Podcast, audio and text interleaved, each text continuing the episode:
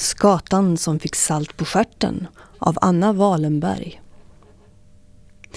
Det var en gång en pojke som alltid gick och önskade sig någonting.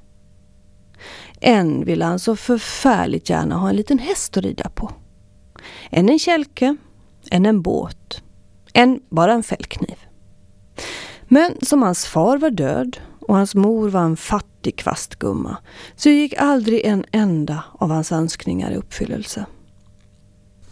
En gång, då han höll på att önska igen, fick han ett gott råd av en klok gubbe som han kände. Han skulle gå till skogen och strö en nypa salt på skärten av en skata så skulle han få vad han tänkte på. Men han måste skynda sig önska medan saltet låg kvar, för annars var det förgäves. Från den dagen gick han alltid med salt i byxfickorna. Tidigt var han ute och sent kom han hem och många skator såg han. Men ingen kom han åt. En morgon träffade han i alla fall på en som var sällskapligare än de andra. Hon lät honom komma sig så nära att han nästan kunde ta på henne. Men så fort han sträckte fram nypan med saltet så var hon vips borta och satt i närmaste träd och skrattade åt honom.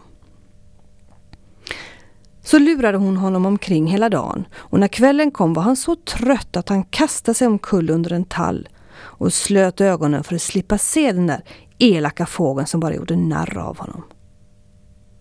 Men han hörde att skatan var kvar och hoppade omkring på riskvistarna. Och slutligen var det någon som ropade hans namn. Olle! Olle! Han såg upp och då märkte han att det var fågeln som hade ropat. För hon ropade fortfarande Olle! Olle! Vad för något? sa han. Kan du tala? Ja, jag är en förtrollad prinsessa ska du veta, sa skatan. Och nog kan du få vad du vill, bara du gör mig till lags.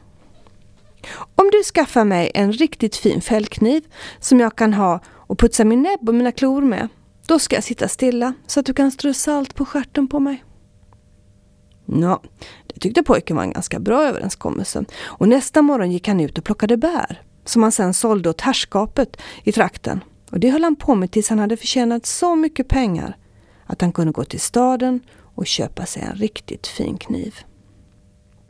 Därpå gick han direkt till skogen för att träffa skatan och fällde upp bladet på kniven så att den skulle blänka ordentligt i ögonen på henne. Hon kom genast hoppande och tittade på kniven. Först med det ena ögat och så med det andra. Äh, sa hon. Inte är det där någon kniv för en så fin prinsessa som jag. Det borde väl åtminstone ha varit guldskaft på den. Och så hoppade hon upp i trädet igen. Men Olle blev så ledsen att han fick tårar i ögonen. Jag ska försöka skaffa dig en med guldskaft då, sa han. Nej tack. Nej, nu bryr jag mig inte om någon kniv mera, svarade skatan. Du, du kan ge mig en vacker kälke istället. Det skulle verkligen roa mig att få åka lite kälke i vinter. Det kunde inte hjälpas. Olle måste skaffa henne en kälke.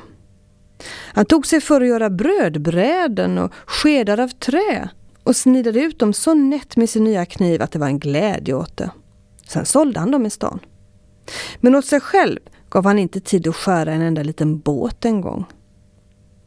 Efter ett halvår hade han också förtjänat så mycket pengar att han kunde köpa en präktig kälke med duktiga isjärn på. Och så gick han till skatan i skogen. Här är kälken, skrek han morskt.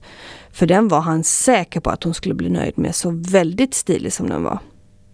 Skatan flög ner från sitt träd. Började hacka på järnen och trampa på dynan. Så slog den till ett flat skratt. Tycker du att det här är don för en gentil person, sa hon och satte sig och gunga på en gren. Nej, siden och silver skulle det ha varit. Olle fick kämpa med gråten. Jag får väl gå och göra det bättre då, sa han. Inte lönt, inte lönt, gnällde skatan. Nu vill jag ha hästar och vagn. Och det är grannen då. Annars får det vara både med att åka och strö salt. Stackars Olle gick sin väg med tungt hjärta.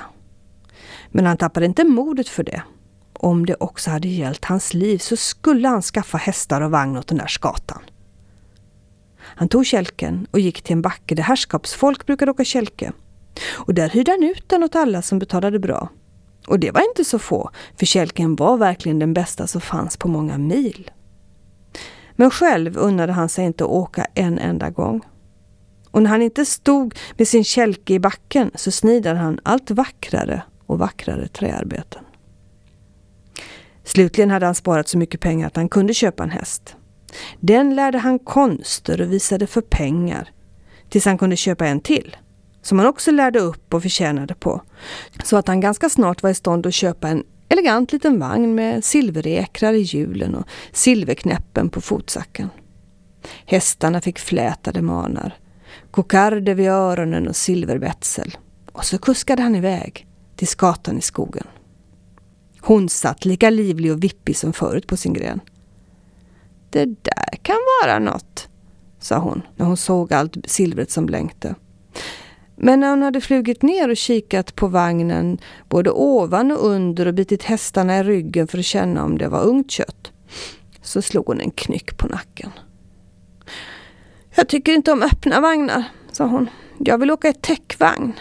Och hästarna skulle inte varit bruna utan vita. Hoho, ja ja, suckade Olle.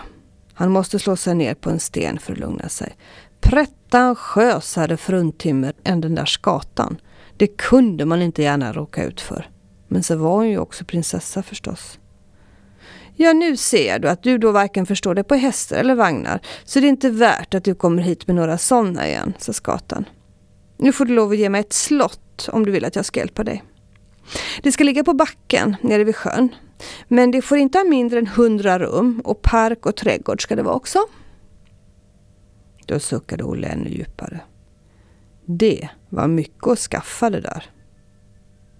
Men så kom han ihåg sitt ekipage. Det började han köra omkring med i stan. Och alla ville hyra det. För fastän inte skatan tyckte om det var det verkligen det finaste man kunde se. Och snart hade han förtjänat så mycket pengar att han kunde köpa sig ett till. Och sen ett till. Och till slut hade han ett helt hyrkuskverk och förtjänade pengar som gräs. Nu var det inte så svårt att bygga slottet. Och när några år hade gått så stod det färdigt. Skinande vitt av marmor med vajande flaggor på tornen. Och Olle gick bort till skogen för att hämta skatan. Hon kom trippande efter honom och hoppade omkring i alla rummen och tittade in i kök och skafferi för att se om det var ordentligt. Men när hon hade sett allting, då satte hon sig på bordet i stora slottssalen. Åja, det här går väl an, sa hon. Men det fattas en sak. Och det är tre kistor guld. För utan dem kan jag ju inte hålla hov. Vet skäms! skrek Olle, för nu hade han blivit så stor på sig att han tyckte han kunde sjunga ut. Ja, annars kommer det då rakt inte något salt på skärten, sa skatan och flög ut genom fönstret. Och borta var hon. Nå, hade han redan gjort så mycket så kunde han väl lika gärna göra den lilla smulan till också, tyckte Olle.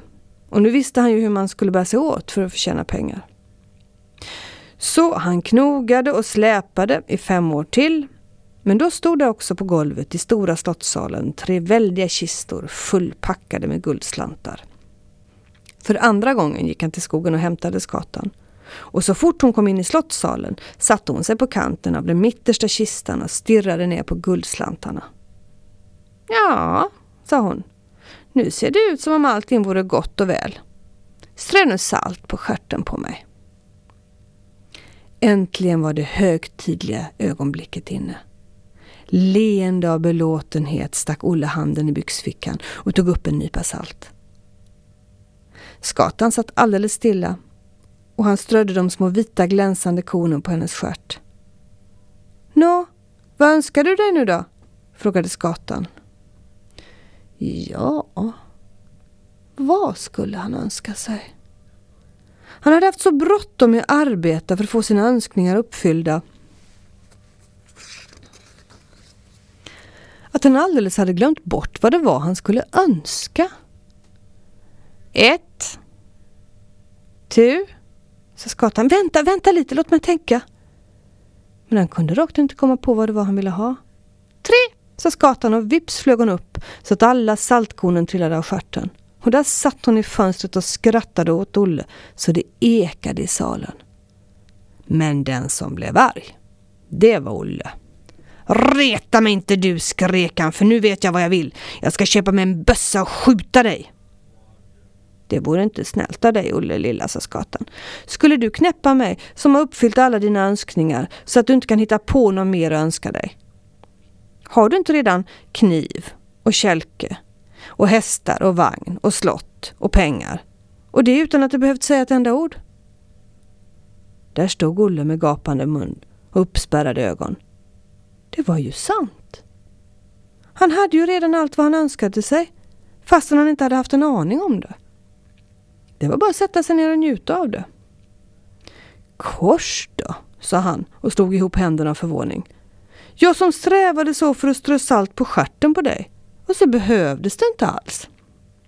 Ja, förklara det du, sa skatan och skrattade till värre än någonsin förut. Lyfte på vingarna och borta var hon. Men Olle brydde sig inte om att grubbla på några förklaringar längre, utan slog sig bara ner i sitt slott och levde där sedan gott i alla sina dagar.